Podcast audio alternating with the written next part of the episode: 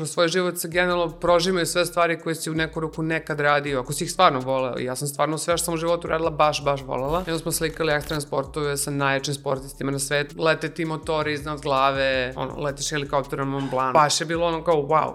Dođe ti sad klijent i kaže, ajde, možeš da radiš to, to, to i to, ti se zovem, da, mogu. Kako? Nemam pojma.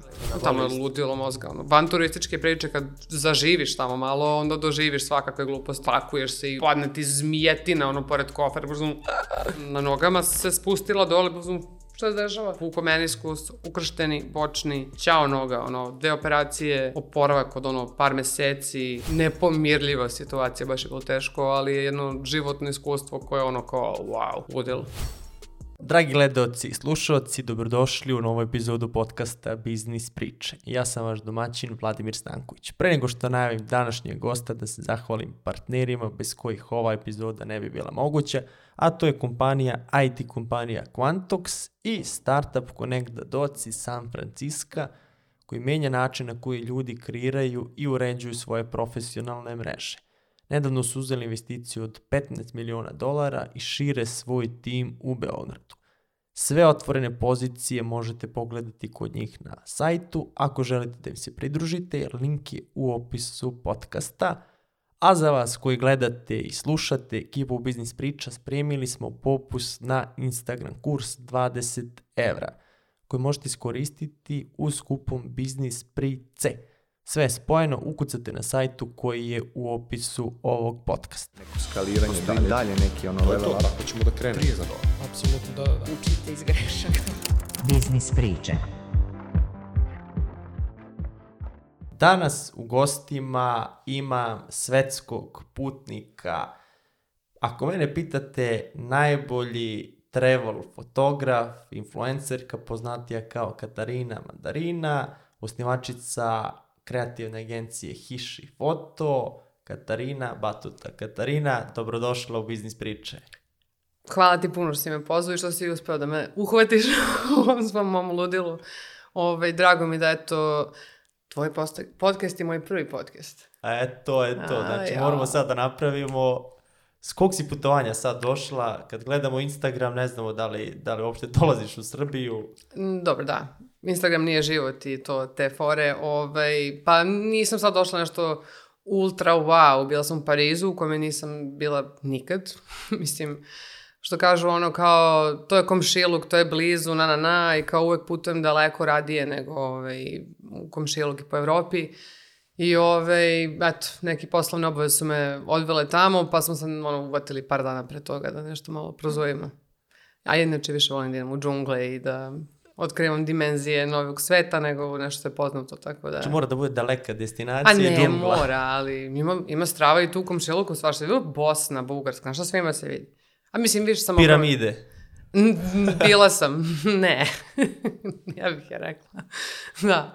Ovaj, pa ne, nego više sam okrenuta prirodi i o nečemu što je vezano za fotografiju, nego ono kao grad.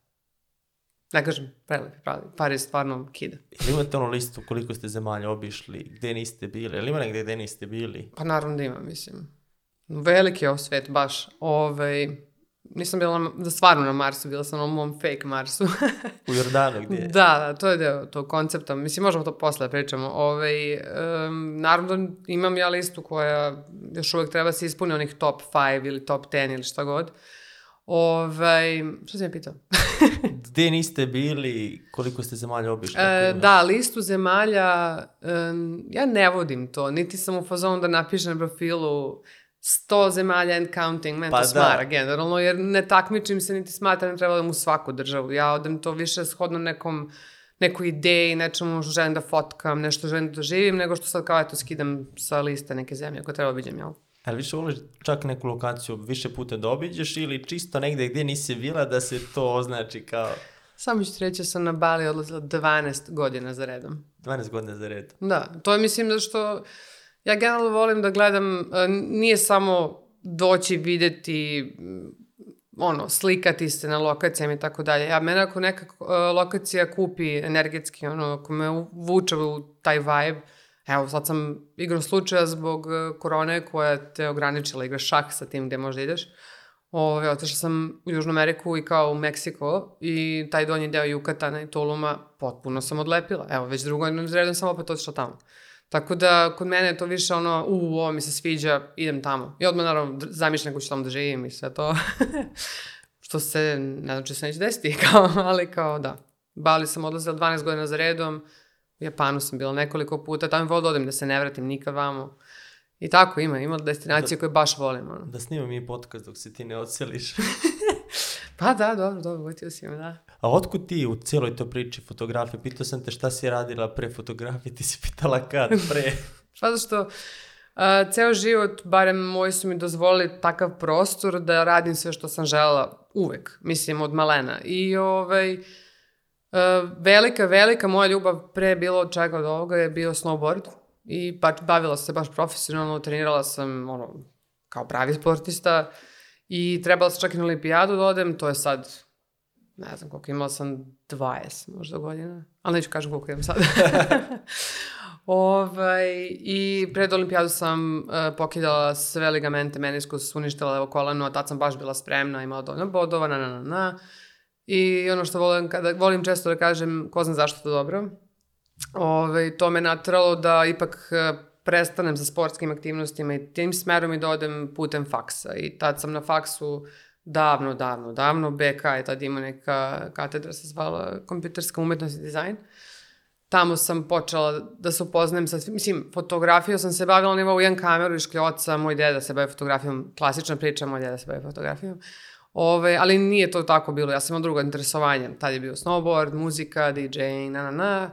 I onda sam na faksu se usmerila u pravcu isključivo fotografije. Imali smo na katedri bukvalno sve predmete od, ne znam, programiranja, web dizajna, fotografije, kamere, 3D-a, marketinga, na, na, na, tako da na kraju tog faksa završiš kao neki, da kažem, kreativni direktor ili neko ko se bavi svim tim i sve zna, ceo proces i možeš da budeš ono head of digital ili nečeg da se baviš u tom smislu. Uh, većina nas na faksu je uh, se usmeravala u određene pravce. Uroš i ja smo se tada i upoznali i bavili smo se web dizajnom. u vreme flasha, dizajniramo, ludila i to smo, tad smo baš bili u tome baš, baš, ono, front-end, ja, on back-end, dizajn flasha, to je bilo zanimljivo, kreativno i tako dalje.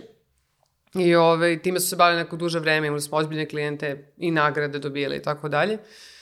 I ovaj, kasnije nekih Ajde sad u stvari svrati fotografiju. Na faksu smo imali fotografiju, naravno. Crno-bela, film. Ne, slobodno ispričaj to šta je, šta je bilo tu. Pa da, dobro, nadovezat ću se. U smislu, e, na faksu smo počeli s fotografijom i meni je tu bio moment da sam zvanično naučila proces od nule. Znači, imali smo i teoretske predmete o kadriranju, o smislu fotografije i svemu živu, svemu živom i imali smo između ostalo crno-belu razvijenje filma, Znači, prođeš ceo proces do nivoa da se razviju i digitalne posle kamere, smo koristili i tako dalje, tako dalje.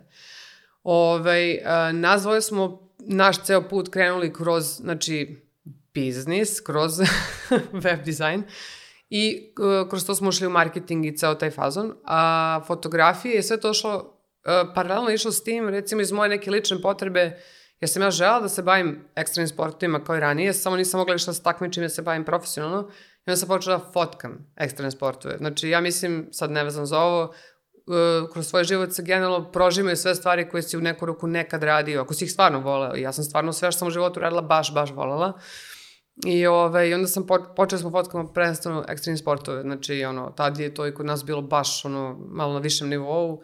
Ono, od prvih ljudi koji su skakali sa naših najviših zgrada ono base jump skaču sa onim padobrom koji bace, da. pa jel to, do ne znam, wakeboarda, motora i tako dalje i to je bio neki, da kažem, prvi neki naš smer kroz koji smo mi, da kažem, i postali poznati. A ste Mislim, to radili za sebe ili ste bili angažovani? Radili smo za sebe, ali smo onda uš, pošto sam ja znala sve ljudi iz tog sveta, onda smo počeli slikamo za te neke naše lokalne organizacije koje su napravili takmičenje i tako dalje i bili smo tada davno poznati pod nekom žutom tom žigu koju smo mi lepili na naše fotke, znala sam kako to funkcioniše na internetu, pa kao ide da...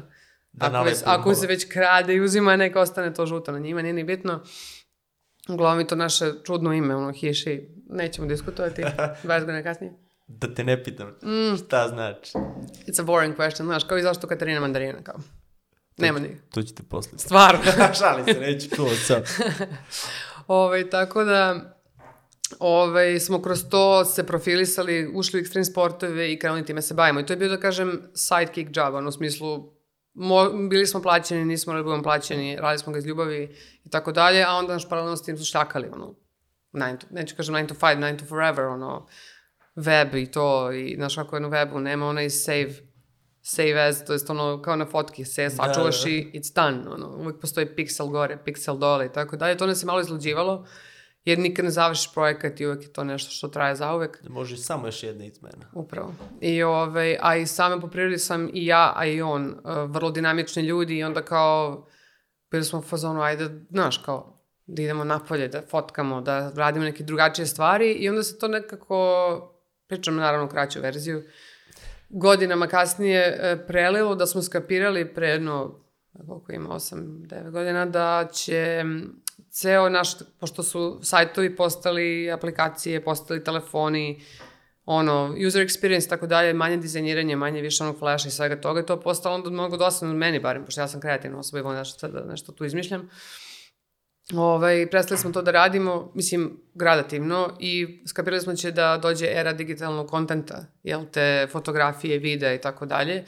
I čak smo sa nekim većim klijentima lokalnim, među prvima ikad u državi napravili custom ono, online content za Instagram, social, tad nije bio Instagram, bio je, ali ne u ovome, novom, novom obliku.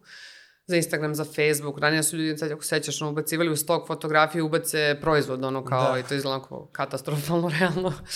Ove, e, pa tad smo mi skapirali da će ko- brendovima trebati njihov custom content za internet i za digital i onda smo to krenuli da radimo. Šta su bile prve kampanje? Šta ste radili to? Šta ste Pa radili proizvode? smo tipa Jelen pivo smo radili. Ono, to nam je bio jedan većih klijenata kojima smo radili i sajt davno. To je sa našim e, tadašnjim profesorom Istokom Pavlović, svi znate ko je.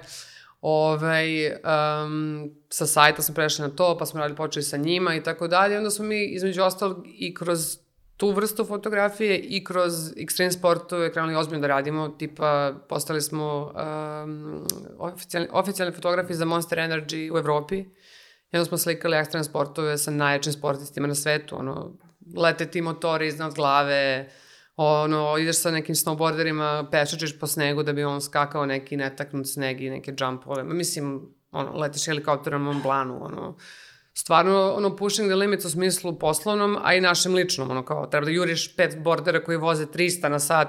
Mislim, ok, hvala Bogu, imam taj skill, znaš, kao, ali, ono, kao, baš je bilo ono, kao, wow. Tako da smo, ovaj, tako se usmeravali, krenuli smo sa Extremeom, to je otišlo na neki ozbiljan nivo, digital content, pričam naravno sve o poslu, ono, da radim day job.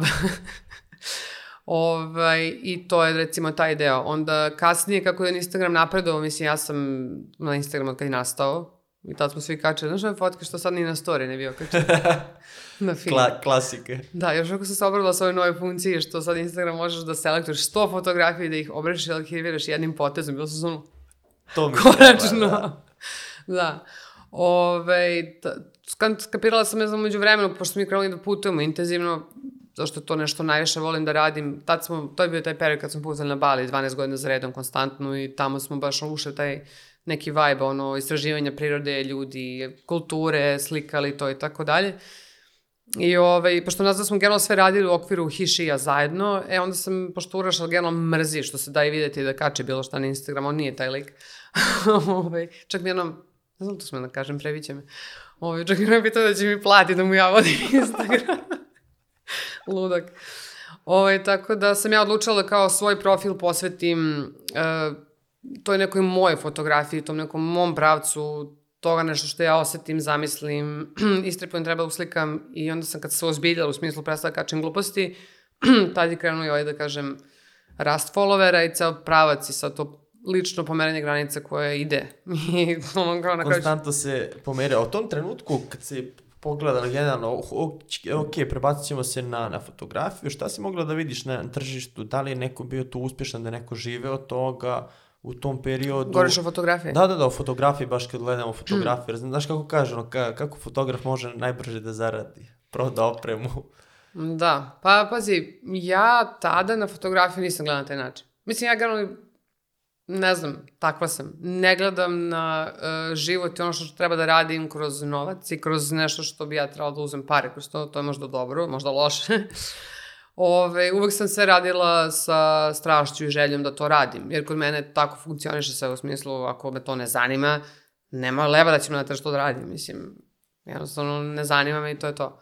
Ove, tada je meni posao bio web, znači posao radim, ono, šljakamo kampanje, dnn, a ovo je bilo zadovoljstvo. I onda, znaš kako, zadovoljstvo postane i posao, E, taj trenutak, Mislim, ne kažem da web nije bio zadovoljstvo. To sam obožavala isto, ali to se promenilo. prestalo. Pa da, promenilo se, postalo je dosadno, meni barem.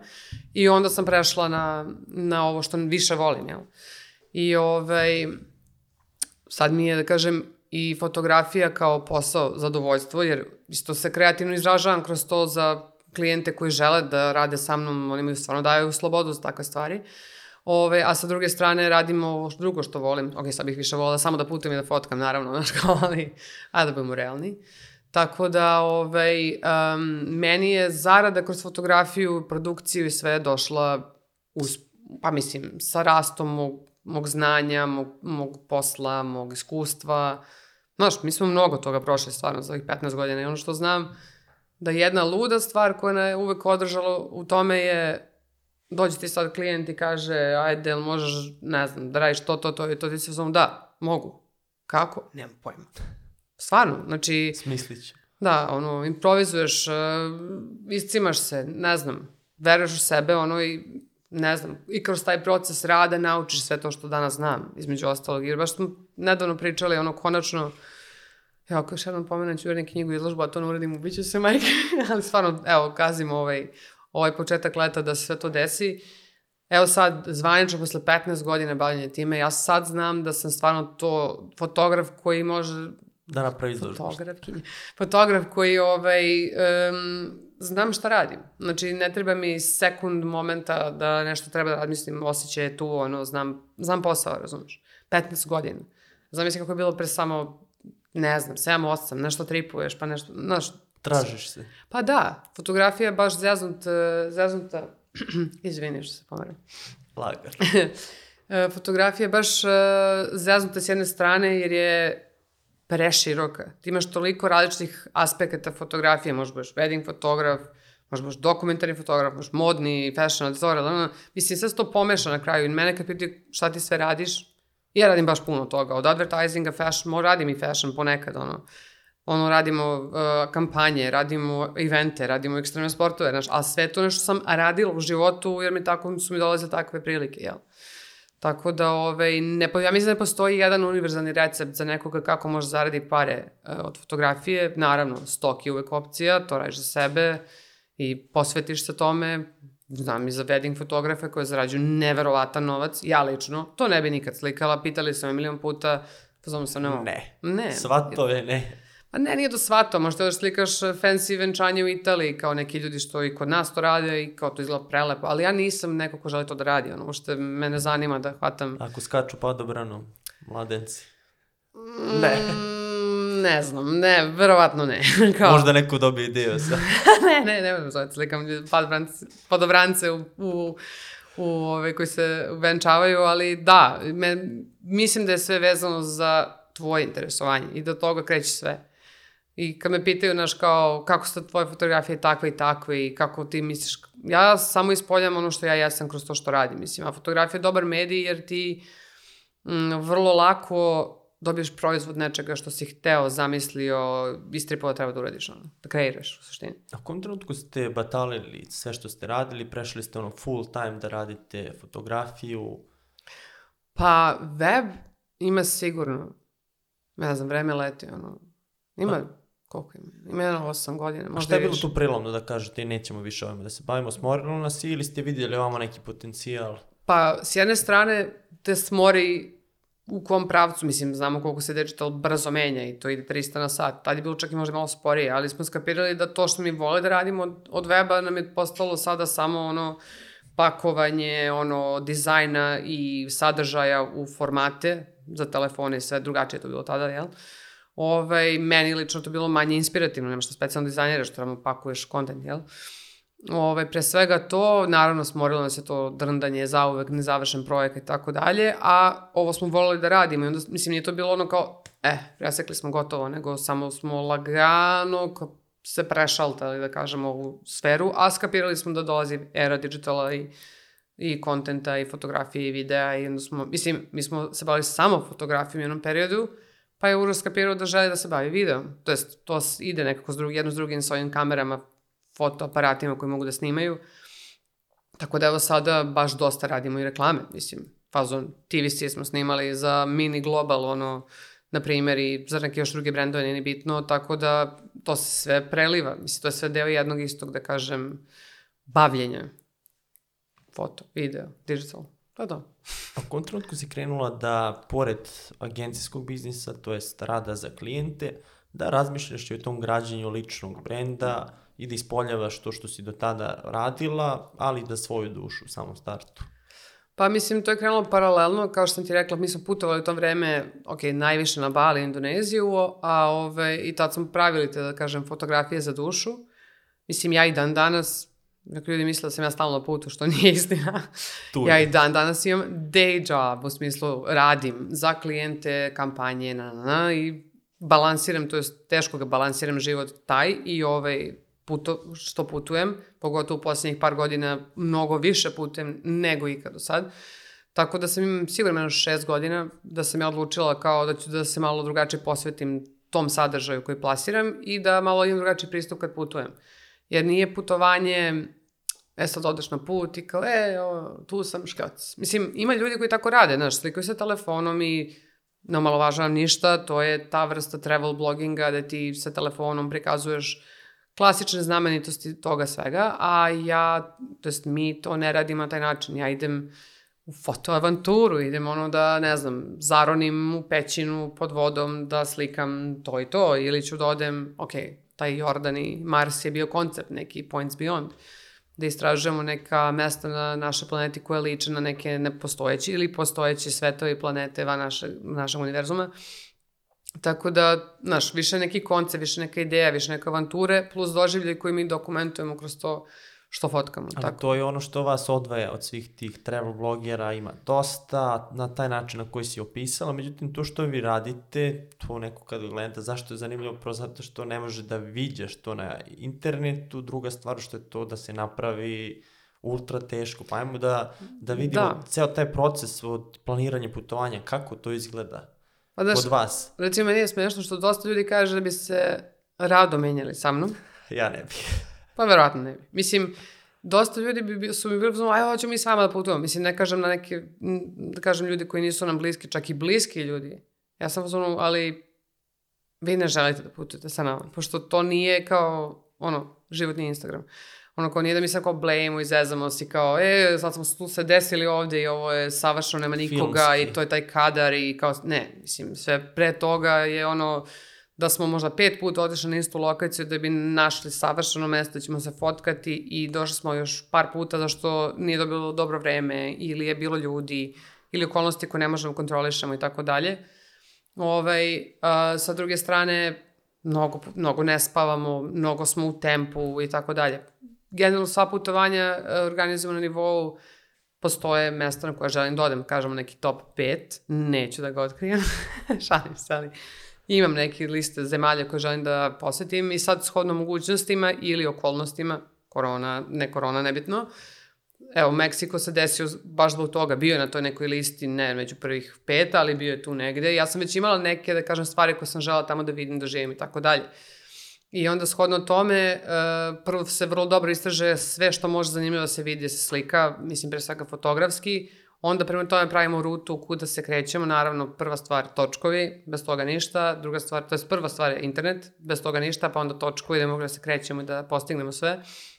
I onda shodno tome pravimo rute kuda ćemo ići i naravno onda mapiramo lokacije, pa onda proveravamo kretanje svetla, u smislu jedna lokacija radi kad je sunrise, druga lokacija radi kad je sunset, pa ako je sunset, jel tu ima 300 miliona ljudi ili nema, i tako dalje, i tako dalje. Sad to je bukvalno ono. Koliko ranije se napravi taj Meksiko? Koliko ranije to isplanirate?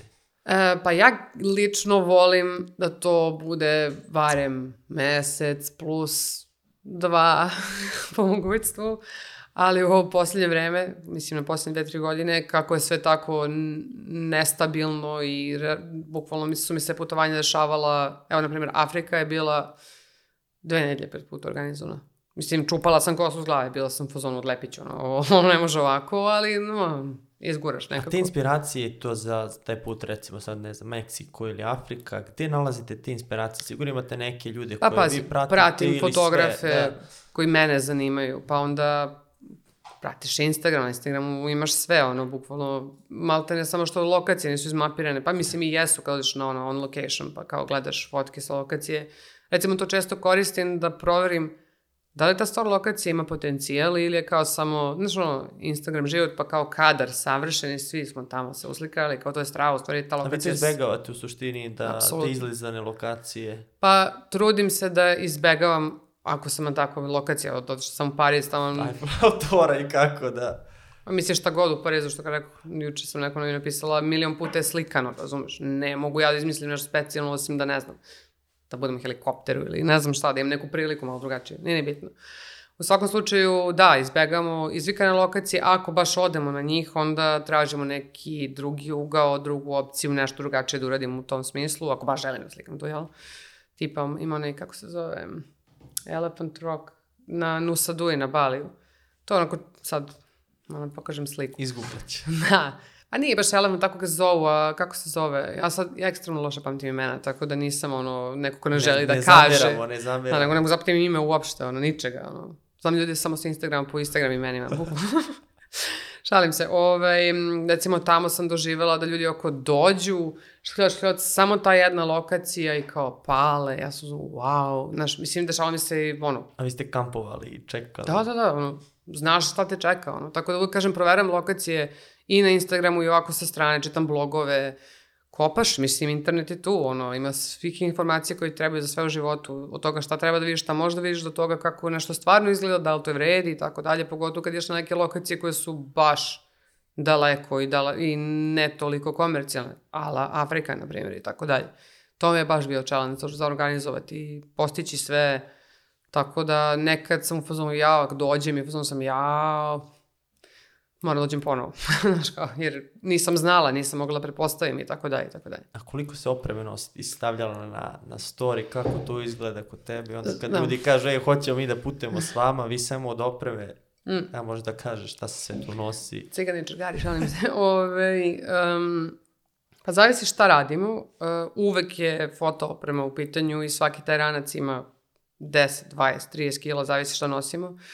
Ove, ako se u akciju podrazumeva da idemo još nešto drugačije da radimo, snowboarding, trail, onda se penjemo negde ili free climbing ili evo sad moja velika nova strast, ono, free diving i da ronimo. E, sad kad smo išli u Meksiku, posljednji put smo nosili bukvalno celu jednu ekstra torbu opreme koja isto imala 25-30 kila, jer nosiš sve što ti treba, mislim. Bolje da imaš svoje nego da rentaš i da trošiš pare na te stvari. Tako da uvek nosimo dosta stvari, stvarno. I ovaj, pomislit će neko da smo kao, a, backpack, ca, ca, ca, na, na, na. Ne, ne nosimo baš dosta opreme stalno.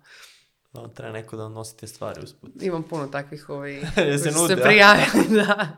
Lista čekanja.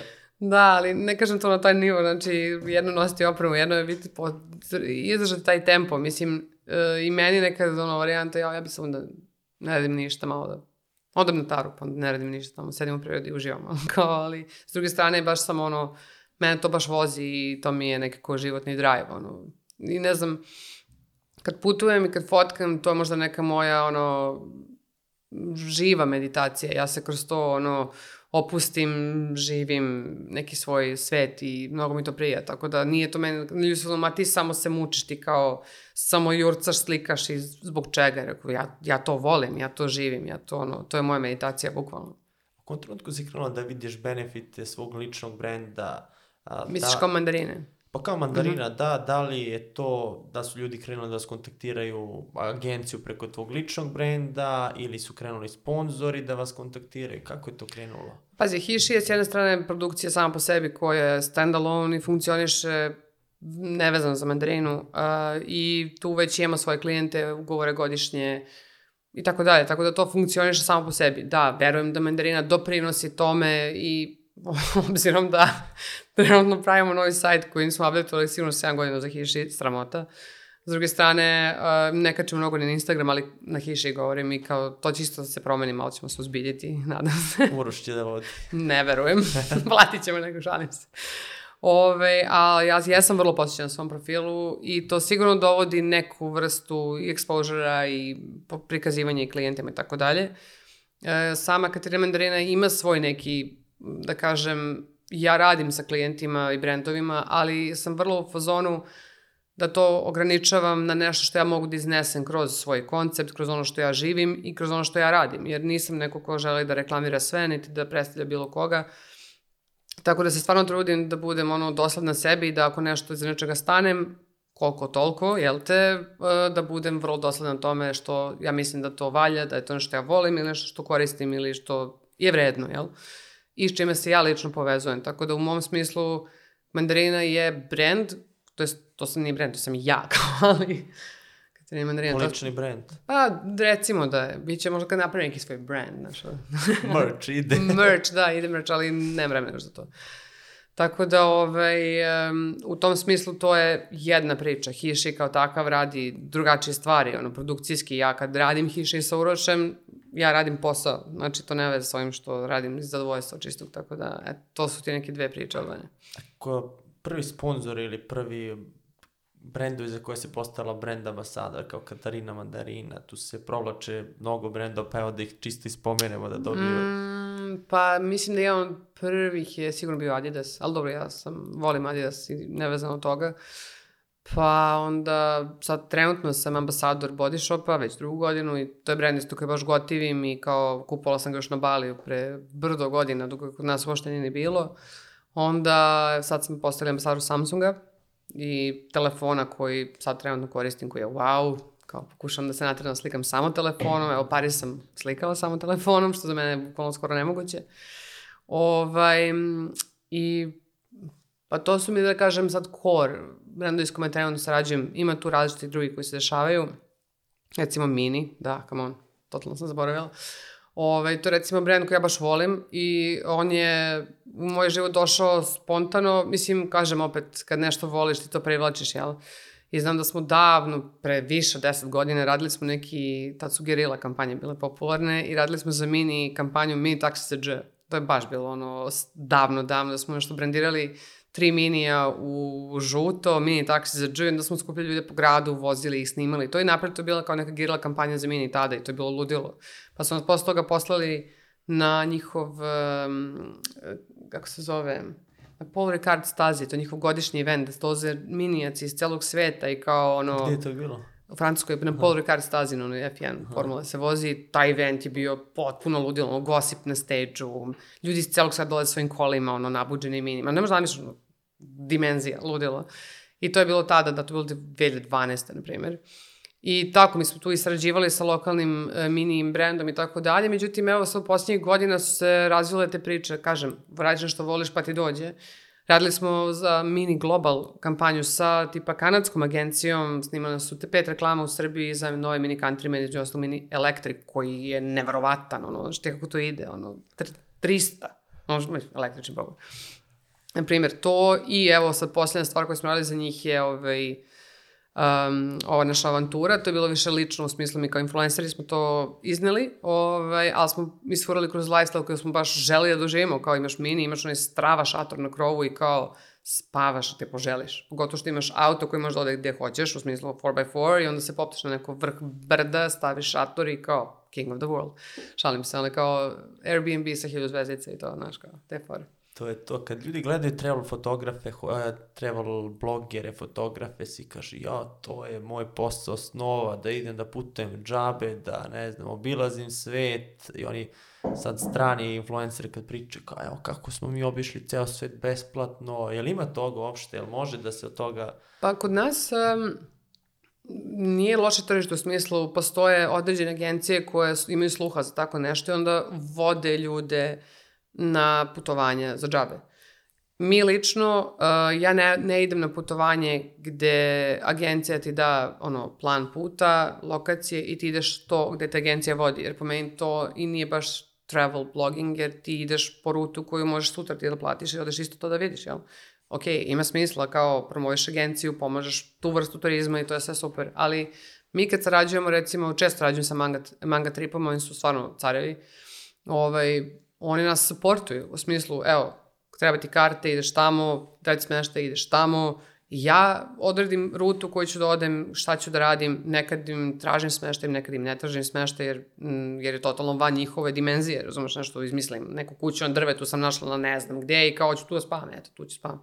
Tako da mi sarađujemo sa agencijama, u tom smislu sarađujemo sa brendovima i avion kompanije različitih, tako da u tom smislu imamo mogućnost da putujemo za džabe. Ja, s druge strane, uh, ja ne trošim novac na ne trošim toliko novac, da kažem, na neke stvari koje su ono, nekim ljudima normalne, ženama pre svega, cipele, tašne, ludila, ja to u nekoj meri da, ali više svoj novac trošim na putovanje. Meni je to najveća satisfakcija životna trenutno, tako da u tom smislu neki deo putovanja jesu full plaćeni, neki su delimično plaćeni, a neke financiram i sama, zavisi gdje hoću da idem i šta hoću da radim. Tako da u tom smislu postoji mogućnost. Sada u Srbiji je to u nekom tom domenu saradnje sa agencijama najviše ili kompanijama, pa eto, sad globalni travel blogeri, to je druga dimenzija, mislim, oni imaju mnogo veći rič, publiku i mogućnost, tako da ne znam, daj sretim neki milionče followera pa da vidimo gde ćemo da dođemo. pa, da, pa da krene.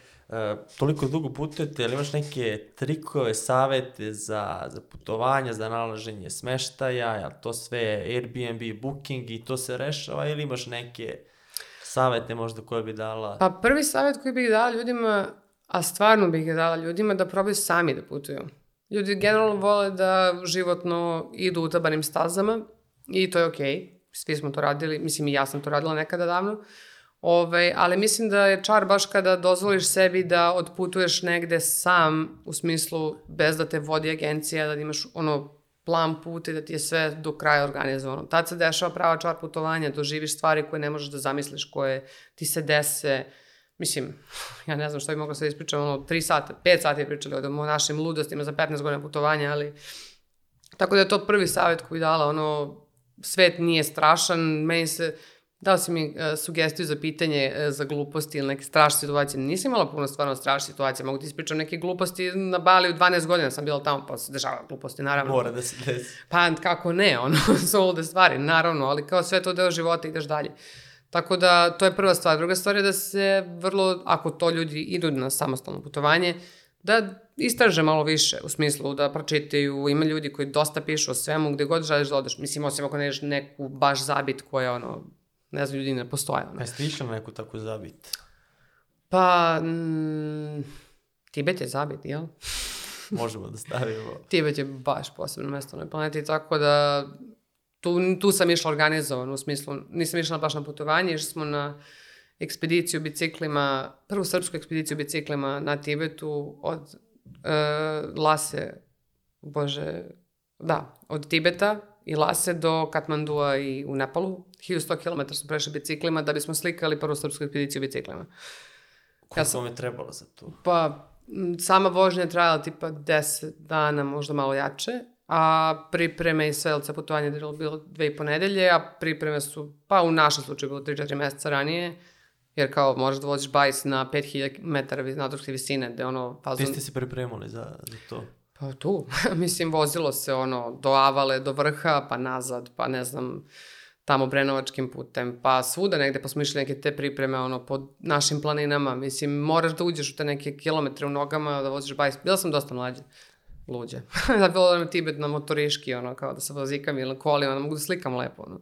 Jer kad voziš bajs i slikaš, onda si i sportista i fotograf i to je jedna nepomirljiva situacija, baš je bilo teško, ali je jedno životno iskustvo koje je ono kao, wow, ludilo. E se dešava na tim putovanjima se zapitaš šta mi je ovo trebalo, neka situacija, Pa, e, tada sam se zapitala šta mi je ovo trebalo da sad ono kao voziš uzbrdo ceo dan, ono na, na 4.500 metara, puls ti je u mirovanju 100 i nešto, ono, znaš kao puls ovde 150, 160, kad si kao baš u akciji, ti je baš jak puls, a tamo ti je baš jak puls 130, znači baš je bilo teško fizički, ono, i psihički između oslog. I onda kao voziš oko krivine i znaš kao, a, iz ove krivine bi trebalo da bude kao vrh i onda ideš dole i tu smo završili za taj dan, kao imamo kamp kao turista krivine, baš su a, kao još, ono, ne zna se, ne vidi se kraja, razumiješ, ono, ok, odustajem, ono, ja mislim da čak Uroš snimio jednom Kao vraćamo oproštajnu poruku na tom putu, ali kao, to je skinuo s YouTube-a, ne možeš više vidi. Tako da, ovaj, da, dešavale su se stvari, mislim, ja sad, znaš, teško mi da se setim, ono, ja mislim zato ja i fotkam toliko svoj život, jer ne mogu da ga zapamtim, previše stvari se dešava u, u jako kratkom vremenskom roku i onda svašta nešto je bilo, ali A kakav je osjećaj bio? 10 dana voziš, motaš, motaš i stigneš do, do kraja. Kakav je osjećaj Znaš bio? koji je osjećaj bio da ja? Kad se došli na vrh, to na Tibetu, 5 i 100, ja mislim da je bilo visinska razlika, znači 5 i 100 smo došli taj neki vrh i onda smo se spuštali downhill u Nepal. Dva dana, nizbrdo. E, to je dobar osjećaj. Posle, ono, 8 dana penjenja, ludilo. I stvarno, Tibet kao takav je druga planeta. Znači ti slećeš na 3500 metara, od starta moraš polako da hodaš, polako da dišeš. Ti ljudi su ono druga dimenzija u smislu dubine, energije i svega toga. I tamo baš bi volila se vratim što pre. Samo to sad mora se vidi kako funkcioniše, pošto u suštini Tibetom ne možeš slobodno da hodaš, mora da imaš lokalnog gajda koji te prati i prijavljaš tačku A do tačke B gde si bio, kad završavaš, tako dalje. Mislim, tako je bilo bar tada, pre dosta godina. Tako da... A što je to, zbog opasnosti ili čisto zbog pravila neki? To je mm, relacija kinezi, tibetanci, Aha, ne ulazim u političke ulazi. aspekte toga, niti sam baš, da kažem, mogu kažem detaljno o tome nešto tačno, tako da tada je bilo tako, ono, tako su oni organizovani, tako se izjasnim. da, da ih ne diramo. Ali stižeš da, sad odeš, popeli ste se na, na Tibet, jel stižeš da imaš neko svoje vreme za uživanje, imaš jedan period gde ti moraš da napraviš fotografiju, to jest praviš fotografije, i s druge strane gde ti ništa ne radiš, ili stižeš da iskoristiš to za uživanje, da doživiš na pravi način, ili je sve podređeno tome da ti napraviš tu fotografiju, da to bude ludilo? Um, uglavnom da, mislim, zavisi koliko nam traje putovanje. Sad taj Tibet, to ću da stavim po strani, to je bila ekspedicija, to je baš bio ono kao ozbiljan poduhod. Ove, ali tipa ove naše, naše vrste putovanja koje sami lično organizujemo, podređeno je naravno fotografiji i kreiranju nečega što mi želimo da ovekovečimo i tako dalje, ali recimo što smo duže na putu imamo više vremena da, ono, danas ću da radim to, kad završimo to što smo planirali, onda ostanemo na istoj lokaciji ili idemo dalje gde odmorimo, na primjer. Ili, recimo, Burmi smo bili, baš ono 2020. kad je krenulo svo sranje sa poštenjem, ovaj, i tu smo imali ceo taj, da kažem, plan puta, kako, i završili smo ga na plaži, u, kako se zove, ne mogu se setim, nije Ma nema veze. Da, gde smo bukvalno tri dana samo, našli smo neki strava Airbnb i kao na plaži, ono first row, terasa, trčiš u vodu i bilo su, to je to, kao ne mrdam odavde. Ali ja mislim da će to i još više da se pomeri u tom pravcu što budem starije, što me više bude mrzalo se svima. Šalim se naravno, ali ovaj, da, postoji deo. Naravno, nismo mi roboti, ono, ne možemo, možemo samo pod gasom. Ono. Ali kad idete da kulirate, idete na taru. A, pa, pff, da. Ne Ali mora da bude I tamo samo... fotkate. Ne, ne, tada, tada, ja, to je stvarno moja omiljena planina i sviđa mi se onako što je tako neuređena, u smislu nije... Dok je ne urede. Ne, ja se stvarno nadam da neće urediti toliko kao i ostale planine koje su uništili, jer ono, nije poenta da sve bude nagužvano i previše, ok da budu kuće i da bude Da taj... liče na Beograd. Pa, da, ja sam čula da će Zlatibor dobije ovaj status grada. Pa i treba. Bukvalno. Ovaj, tako da, malo me Tara počne na Kanadu, pošto onako široko je sve, imaš više centara, nije jedan i onda ima puno tih kućica, planina, fenomenalno. Uglavnom tamo odem, prijem i priroda, volim da sedim tu, da no, kontempliram, ono, da ne radim ništa. Što mu u slučaju nikada. ali kao- Nikada se ne dešava. Ali da, tamo sednem i odmaram, a mislim, postoje lokacije na koje odemo. Evo, Uroš je položio za a, skipera, pa vozi brod, a.k.a. jedrilicu i mnogo voli to. I ovaj, on tako, eto, dignemo jedre i šta radimo, živimo. Ronite. Pa ne, on vozi brod, ja ronim. tako da, ali to je to, ja u tako uživam, to je moj odmor. Mislim, ležim na brodu, sunčem se, odmorim i to, ali Mora ronim. da se roni. Ma volim to, šta radim. A kad malo pre smo spomenuli te opasne situacije, možeš ne da izvučeš neku iz podsvesti situaciju ili državu koju ste obišli gdje vam je bilo najopasnije ili se nešto desilo? Ne mora glupost, ali Pa ne, znaš kako, nismo nikad bili u situaciji da je e, država sama po sebi opasna. Mislim, okej, situacija nekada je Da, tamo bila recimo, opasna. ok, Burma jeste opasno, da je Myanmar.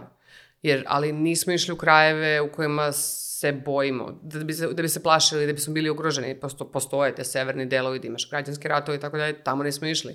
Ali smo išli te, da kažem, u tabanije rute, da, gde nismo ni jednu situaciju koja je bila problematična i ljudi su potpuno fenomenalni i strava zemlja što je nezagađena turistički. Bila je frka da ne fasujemo neku boleštinu, pošto u stvari došli smo I tad smo svi bili u frci oko korone, jer se dešavalo u Kini, a mi su sedeli tamo, sedimo baš, izbrali smo malo bolji hotel, manje smanjimo rizik i tako dalje.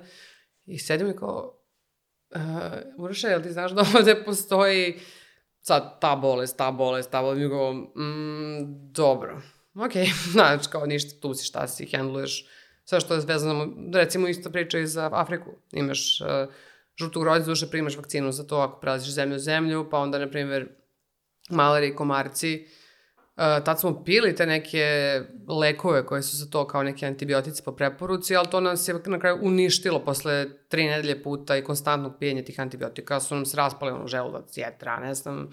Ba, bukvalno smo morali se čistimo pola godine, godinu ono, toga.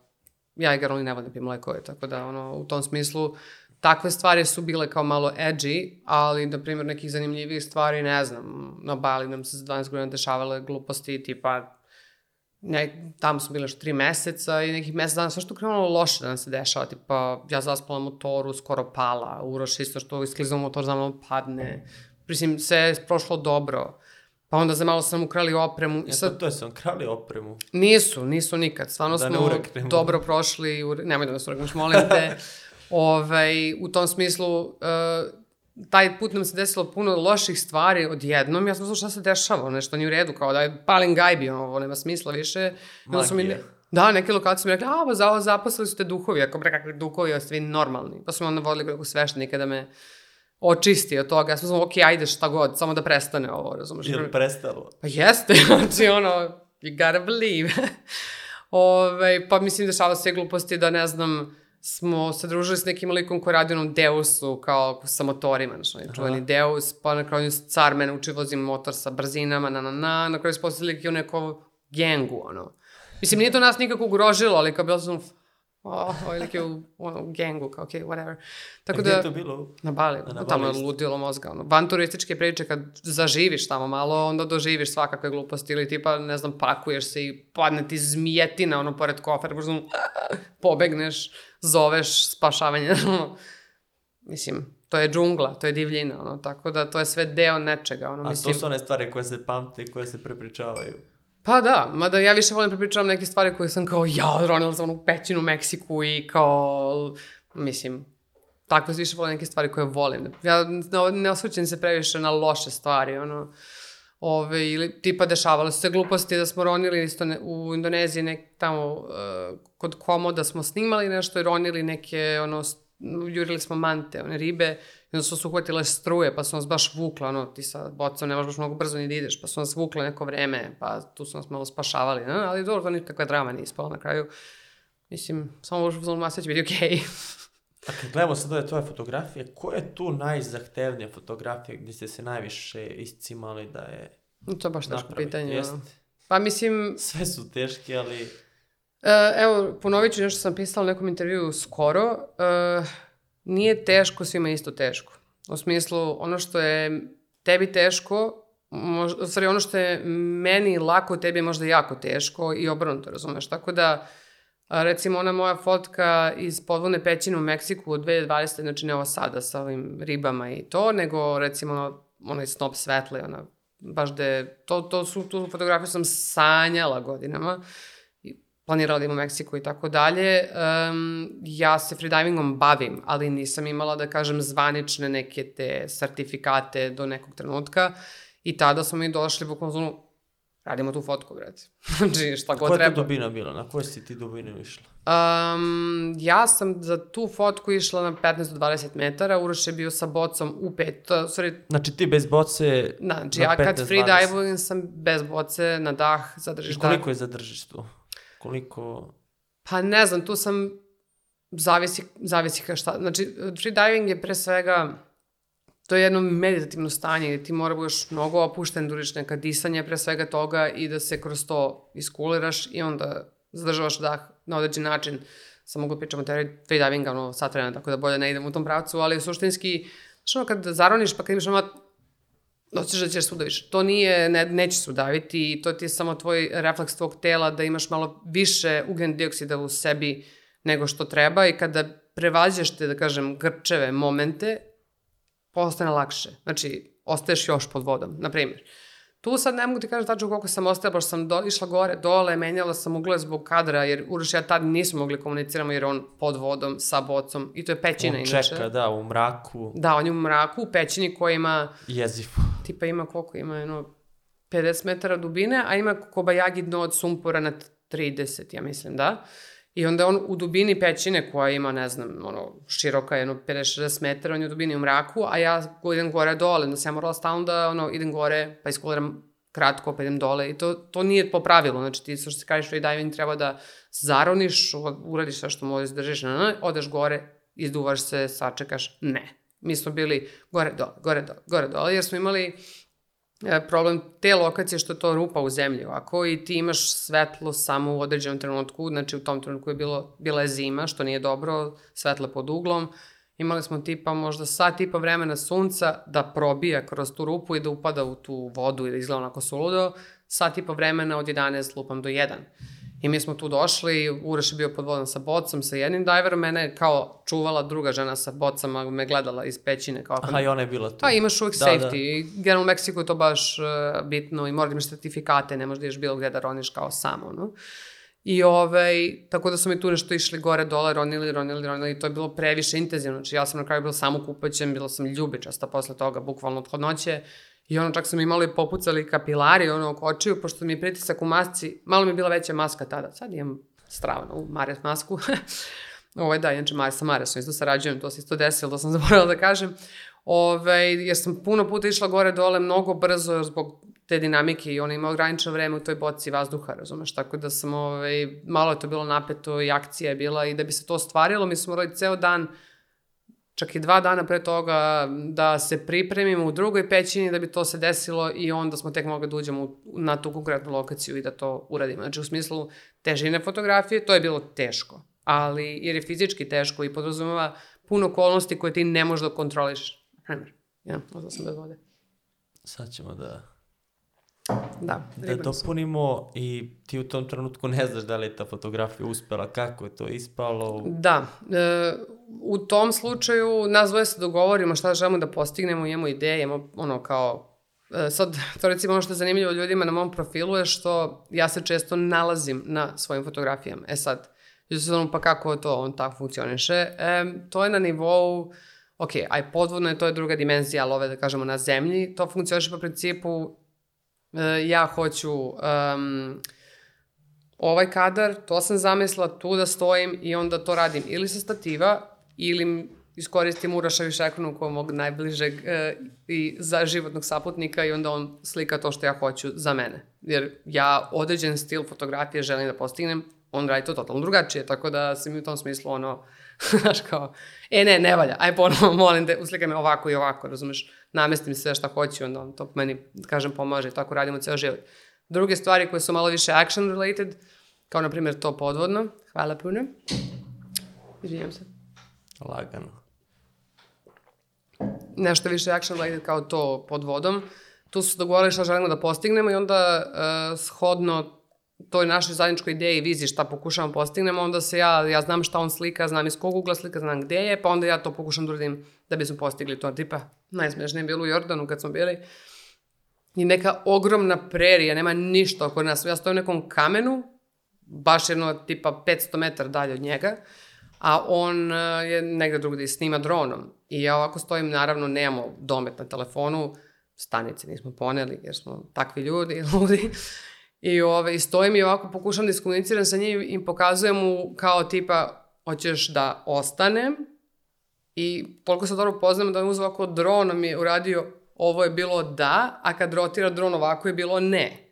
I tako smo se prema iskomunicirali. Tako da suštinska simbioza je znači našeg zajedničkog rada je tome što se kontamo, što smo obe fotografi, što ono, stvari postižemo taj način. Znači, pod vodom nismo imali komunikaciju, ali smo uspeli da se skomuniciramo na osnovu nekog plana koji smo napravili, pa onda izađe on u jednom trenutku, pa ja pogledam, E pa kažem, to, taj aha, trenutak, kako ono, kad nađeš tu fotografiju, to bude ono, aha, to je to, ili...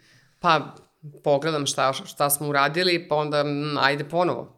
Treba da ovako, ovako. Pa recimo... Da da- se smori kao moram ponovo. Pa ne, mislim, zajedno radimo, nešto želimo da postignemo, tako da, mislim, smori se kada smaram na zemlji zbog nečega što sam ja istripovala, ja volim savršene linije, ono, simetrije, na, na, i onda ga to smara, ali dobro, mislim, dosta stvari, mislim da budemo realni u action fotografiji, pogotovo adventure fotografiji, ne možeš sve da postigneš ni on location, dosta toga radiš posle postprodukciji, da središ, pomeriš, namestiš neke stvari koje nisi mogao da iskontroliš, na primjer. Kad gledam te fotografije, kažem, malo, malo, pa iskoči nova fotografija, kažem, wow, pa onda sledeća bude još više, wow. I do koje granice ide to pomeranje granica? Kako to da ti sad, ok, ti znaš koja sad fotografija imaš, znači ludila, i kako sad da sledeća bude veće neko ludilo? E, ne, ne postoji takav prizma u mojoj glavi kao ja sad ću da bude luđa od ove. Mene samo zanima lokacija, ideja i nešto bih volao tamo postignem. Mislim, iskreno znam, da, pomeram svoje granice, sam u zonu kad okačem što je obično, a lepo je, nije toliko zanimljivo ljudima, razumiješ, na zonu sam, možda ću prestati da pomeram granice zbog sebe, da bih mogla da opustim malo, razumiješ, ali suštinski se svodi na neki, na neku dimenziju koju želiš da postigneš, neku novu lokaciju, nešto novo zanimljivo i tako dalje, tako dalje, tako da, Ta je tu trebalo sve da se napravi takva fotografija, pa i one sa ajkulama i... Aj, oj, da. Znaš kada su mi rekli, e, ja došla tamo, znači pred sam otišla u Baja Kaliforniju samo da bi uhvatila te kit ajkule, zato što znam, one budu u Jukatanu u avgustu, ali ja u avgustu ne idem u Meksiko jer idem na jedrenje, ono, na Mediteranu smo, jel? I onda sam znala da se one pomeraju kasnije gore na Baja Kaliforniju, bliže Americi i kao, idemo tamo, moram to. Znači to sam zacetala i žela da živim i kraj. I ovaj, došli tamo i mi kažu, pa ne može da se roni. Ja kao, kako, če, ka- če, kako mislite da ne može da se roni? Ja sam došla samo zbog toga. Pa ne, ne može, ok, ima to smisla, može samo free, da se ono, čak i, e, Skuba. ne, ne, ne, ne može ni skuba, one su u tom nekom zalivu Aha. i vrlo su ih zaštitili, što je dobro, jer mislim, znaš kad dođe 50 čamaca i svi smaraju, ono, su Hoće da fotke, da. Pa ne, ali ljudi još plivaju po površini, jure ih, ne smije se dodiruju, naši imaju specijalnu kožu, taj neke bakterije koje štite njih, a za nas nisu dobre i tako dalje. Onda ranije, kad to nije bilo uređeno, šta misli 50 čamaca koji juri jedno biće koje samo egzistira i jede plankton po površini. Znaš, baš je ono loše. Tako da s jedne strane dobro što su ih zaštitili i ograničili su te ono tipa može 10 čamaca po satu, ja mislim, ili po to nekom e, slotu od 3 sata i onda ti sad imaš samo 2 sata da ih nađeš u tom beju, mislim nije mnogo veliko, ali im treba da ih tražiš i onda kad ih nađeš, od tih 2 sata imaš samo pola sata u vodi s njim. Što je suludo, meni je bila tenzija u smislu šta ću sada postignem za pola sata još potom treba da ih nađem i tako dalje. Ovaj, ali na kraju smo, prvi, prvi, eh, prvi trenutak je bio, na, došla neka manja, ta manja u smislu 5-6 metara i kao dosta je brzo plivala i bili su mali talasi pa nam je baš bilo komplikovano i generalno tu da su whale sharks je mutna voda i one jedu plankton i onda smo je jurili, izmorila nas je katastrofa, nismo imali nikakve Čekaj, to je bila jedna samo tu ili Jedna, znači mi smo naletili na tu jednu i ti kad sa čamcem nađeš tu jednu, onda jurite? to je tvoja, da kažem, hajfula i ti s njom se baviš, a ako neki drugi čamac, to on mora da traži neku drugu. Znači, ne mogu, sve okej, Jasno, tako da. su to uredili. Barem tamo gore u Baja Kaliforniji. Kaliforniji. I, ove, I onda nju smo pustili, pošto je stvarno bila brza i kao ajde da, da je ne jurimo i taman smo krenuli da uđemo u čamac da nađemo neki drugi, da tražimo, pojavi se jedna velika od deset. 10 metara. Da, a ona je baš bilo ono kao blade i kao, ma, ma, jede ono plankton. I to je bilo ono kao, znači, bukvalno ludilo i sad to, znači, postoji pravilo, ne smeš da ih pipaš, ne smeš da budeš blizu njih, ne smeš da roniš ispod njih, znači, u stvari ne sme se roni. Ja sam A naravno... šta smeš po površini? Kao Da, sam po površini. Šta ih- i da gledaš ih, kao? Da ih pratiš, da budeš, tipa, bude ona pored tebe kao, evo tu. Znači, na par metara, ono, ali ne smeš da ideš A ispod. na kojoj ona dubini? Mislim, Ti kada s njom, da kažem, tu bleješ, ona je pri površini, Aha, ode možda jasno. metar, dva, tri. I ti je gledaš odatle, ti si da. tu s njom. Ne smeš nikako da ideš ispred whale sharka zato što one imaju oči sa strane i ne vide baš dobro i Aha, mogu da te- bukvalno da. čitala sam o liku fotografu koji je bukvalno što jurio oko nje, slikao je i ona sam otvorila usta da uzme plankton, ono kao ona skuplja, Ozbiljno, ono. da. Sam ga uhvatila mu ruku. Mislim, nije mu ništa Da. specijalno bilo, nije to ajkula, ono, da, ajkula, ali ajkula. opet trip. Ali kao, znaš, kao držim u ruku i kao dok nije opet otvorila usta, nije mogo da, iza, da je pusti, znaš, mislim, zeznuto. On je mislim da ima ne? boce, ali kao opet, wow. Tako da, a, ja mm, sam ispoštovala sve, ali sam morala zaradim par puta, pa mislim, ono, A čekaj, si ti fotkala ili Uroš bio... Uh, on je fotkao, ja sam ronila, pa su se posle zamenili, tako znači radimo pod vodom, pošto trenutno nemamo dva kućišta za kameru. Ovo imamo to jedno. Ovaj, uh, ja sam zaronila, sam... A on je bio ispod. Pa ne, on je bio tu pri površini, Aha. a ja sam zaronila, pa nisam bila ispod nje, ali bila sam paralelno sa Ajkulom, ima ta slika na Instagramu. Vidio se. Da, tako da, bila sam, došla sam all the way here, you're not gonna stop me. Šalim se, mene nisam ništa loše uradila u smislu, samo sam tu malo kao zu, i onda sam izronila i bilo je to okej. Mislim, čovjek koji nas je handlovao je bio vrlo tolerantan, tako da, mada iskreno, uh, još veće ludilo mi je bilo kasnije kad smo otišli da plijemo sa, da ronimo sa ovim Sea Lions, kako se to kaže na srpskom?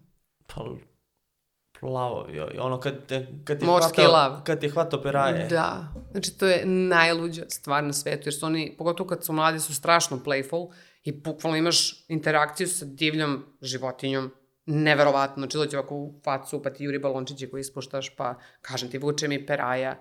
I sad A ima nis... zube dobre, nije, da? Imaju zube, čak mi je ugrizo jedan. Ozbiljno. Pa gricno me. Znaš, tu se plivao sa mnom, igrao se, pa ima neku ribu, pa mi baci ribu, ovako ja mu uzmem ribu, pa on pustim, znaš, da, da ga, ne znam. Da, da. Pa onda tako ron, ronio oko mene, i ovako mi se motao tu, ja sam, koliko sam samo ležao, pa sam, ok, i onda ovako lego je na mene, i ovako mi se, ovako u nosu, ovako, ovako jurim balončiće, bilo sam, bilo stani, ok, i onda ovako zaronio oko mene, ovako sam, ovako, kritno me za, imala sam odelo ron, ronilačko, malo, Ali se osjeti malo. pa nisam ništa osetila ja, ali imam dve tačkice na odelu, pošto sam imala odelo od koliko, 4-5 mm, gricno me malo i onda kao imam dve tačke, eto kao suvenir iz... Ali ih ima više tu ili... Da, da, da, bude tipa kolonija silena, sa onim e, odraslim mužacima nemaš eye contact nikako, jer onda se osjeti ugroženo i kreće teritorijalna borba, to ne radiš, ali ti mladi Ti se... prepoznaš ko je od njih, Pa, koji manji ili... Velike, debeo je, razumeš, kako izgleda Pa stari to, to, ne, muškarac. nego te, te što, te što smiješ da, da zezaš, Ma oni sami- su manji. Sami priđu, sami se igraju sa tobom i bukvalno budu, znači, neviđeno iskustvo. Jer tipa kad ideš, imaš i neke lokacije, tražiš to sa bocama, i onda oni bukvalno ti vuku sve kablove koje imaš, tipa ono, od, od boce, od, od isaljke, ono, tako zezaju s tom. Znači, neverovatno iskustvo, ono. Ja mnogo volim generalno životinje, tako da meni je to sve ludilo mozga. Kao i Afrika i tamo, tek. A koja je bila najopasnija životinja s kojom si pravila? Mm, hm. Pa dobro, lavove smo videli uživo, mada mi smo bili, ono, kažem, u Su bili kolima. ovi drogirani ili baš u... Ne, ne, u, u Serengeti u Tanzaniji doživljavaš životinje u prirodnom staništu. A Znači, si ti u džipu. ali sam u džipu, da. Sad, kažu da je to bilo vrlo, vrlo opasno, ali kad smo stali ovako na sred neke ono, prerije i tu su bila dva lava, pošto inače lavovi mužeci bleje i kao su odvojeni, odvojeni su od eh, ženki i onih malih lavića. I tako njih dvojica tu blejala, a onda su se malo dalje od njih pojavile ove, kako se to zove? Hijene. Šta? Ne, hijena ima, nego, kako se ono što je tačkasto? To je leopard. A, gep, Ne, leo, čitah, čitah. Šta je čitah na srpskom? gepard. E, rest, gepard, recimo. I sad gepardi su došli tu bleje, znaš kako mali su, mislim, manji, manji su od lava dosta i kao bleje tu oko nas i onda su hvatali senku od džipa da sednu ispred, a ti si oko u džipu i bukvalno tu ti je prozor i kao gepard ti je tu. Ja sam uzmano, ne, da ga pipnu, Kao da ovaj uzmano, ne, smije? kao si realna, kao don't touch that, ono. Tako da recimo, to su te neke edge i bio je moment jedan sa slon, slonovi su jako teritorijalni, pogotovo oni veliki sa velikim kljovama. I jedan je, mislim, ti njih suštinski uznemiravaš kad im prilaziš tamo na, sa, na ovom safariju. I jedan je baš pobesneo, onako podigo je surlo. Kad podigne surlo, znači da te upozorava da se pomeriš, da ga ne smaraš i onda kada baca prašinu. E, to je već varijanta vozi. Znači, i taj jedan je već bio malo ako krenuo na nas, ono, ja sam uzmano, ovaj naš vozač bi uzmano, ma dobro, sve je cool, rekao ljudi, ono kao, Sve je okej. srušit će nam auto, znaš, kao zgazit će nas. Tako da smo tu onda zbrisali malo, ali generalno nisam imao neki specijalni counter, osim to, kažem ti, zmije na bali upadnuti pored kofera, ogromna je bila, razumno, bežno. Da.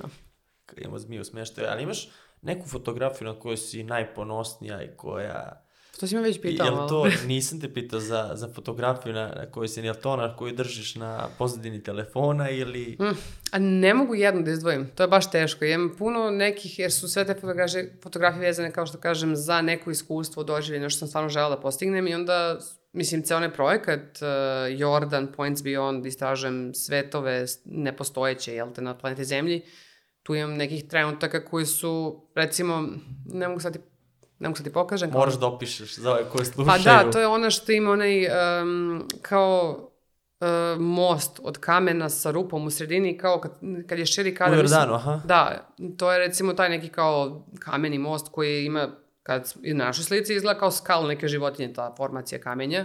E šta je fora, što mi tamo došli kasno posle podne i uhvatio nas je sandstorm. I to se podigao na pesak i bukvalno sunce je bilo kao na Marsu, znači onako naranđasto. Samo malo se vidi. Da, i mi bukvalno hvatamo po ovaj, vo, što nas je vozio, džip što je vozio, kao moramo da krenemo, moramo da krenemo, nećemo da posle nađemo put, kako ćemo se vratimo, ono, opet idemo u pustinju, u kamp. I ako stani vidi ovo, ovo, bukvalno priroda je došla s nama da se poigra i napravila nam scenu sa Marsa, bukvalno. I onda sam tu hodala po tom gornjem marču, pa po donjem, pa smo slikali i bukvalno taj kadar mi je, jer to je nešto što sam ja planirala da fotkam, ali sa suncem, kontra, na, na, na. E, tu se priroda umešala, napravila od toga neku scenu koju ja bukvalno nisam mogla ni da zamislim i kao bam, vidi ovu fotku. Znači, to je sigurno jedan od, od The One, taj ide u knjigu sigurno i tako dalje, na primjer. Te su mi recimo omiljene. Omiljene su mi ove podvodne, ima, ima svašta nešto. Čak radim se nekim nečem novom što ću napravim, šta? Šta ćeš? Pa radim se svemu novom što ću napravim, čekam da odem na Island, a tamo ću da poludim skroz. Tu je tek ludilo. A taj projekat Mars, kako je to do toga došlo? To je nešto neobično, nije ni turistički, ni Mm, iskreno kako? koncept. Ne znam, ideja je bila, tako istraživala sam ja te razne lokacije po svetu gde mogu da odem, da fotkam, da vidim i tako dalje i onda sam skontala da ima mnogo stvari koje podsjećaju na te neke ideje koje mi imamo s tim svetovima koji su planete van našeg, van naše planete. I, ovaj, I onda sam u kolaboraciji s tom drugaricom, ona mi je napravila taj kao space suit. Ovaj, otišli smo, tad smo planirali da u Jordan i krenuli smo ajde probamo to tamo da uradimo. I stvarno smo imali, ma mislim, dobro, u Jordanu, u Vadiran pustinji su snimani svi filmovi, od Star Warsa do Matt Damona, kao. Čak nas je taj lik što nas je vozio tim raspalim džipom, on je baš bio lo- logistical support za taj film, tako da nas je bukvalno odveo na mesto da Matt Damon, ono kao sedi na kamenu i smorio se. Da, da, da, bukvalno sela sam na isti kamen kao i ono, kao, e, Matt Damon, gde si, gde je krompir, ono, znaš, kao. Da, da, da, tako da ove, u tom smislu um, ta lokacija sama po sebi stvarno to i zato se tamo snimi svi ti, da kažemo, van planete, planete Zemlje filmovi. Ovo, imam još drugih mnogo lokacija koje smo, radili smo još neki, ima i kod nas u Srbiji, ima i u okolini, zamislim scenu, zamislim neku dimenziju, onda od toga napravim, čak smo slikali i u Turskoj na onom Roze jezeru, ali tek kasnije kada je pao mrak, kad se malo to, te boje, kad su nestale, dobili smo neke dimenzije plavo ljubičastih tonova sa refleksijama zvezda i to, mislim, igramo se, razumeš? Tako da ovaj, taj projekat mi je stvarno jedan od omiljenih i ok, on je malo sad na pauzi zbog situacije da ne možeš tek tako gde god hoćeš da otputuješ. Tako da nas, nam ću ga nastaviti. Mislim, imamo jedan kontingent dobar fotografije, mogu da neka manja izložba se napravi, ali vola bi još neke stvari da slikam koje sam planirala, pa onda da se to nastavi i pretoči isto neki nešto materijalno. Kao što Ta izložba koju spominješ toliko već dugo, kad će to? Izložba i knjiga, E, pa pazi, da. to se najavljuje. Jeste, jeste, postala sam kao ono neko ko samo priča ništa ne radi, ali nisam taj lik generalno, nego mi je život previše komplikovan i dinamičan i nemam mnogo vremena. Zvanično nešto krajem juna je sad termin koji smo, Znači, da kažem, postoji termin. da, mislim da to je jedini način što actually u životu uradiš, da imaš termin za to, ono.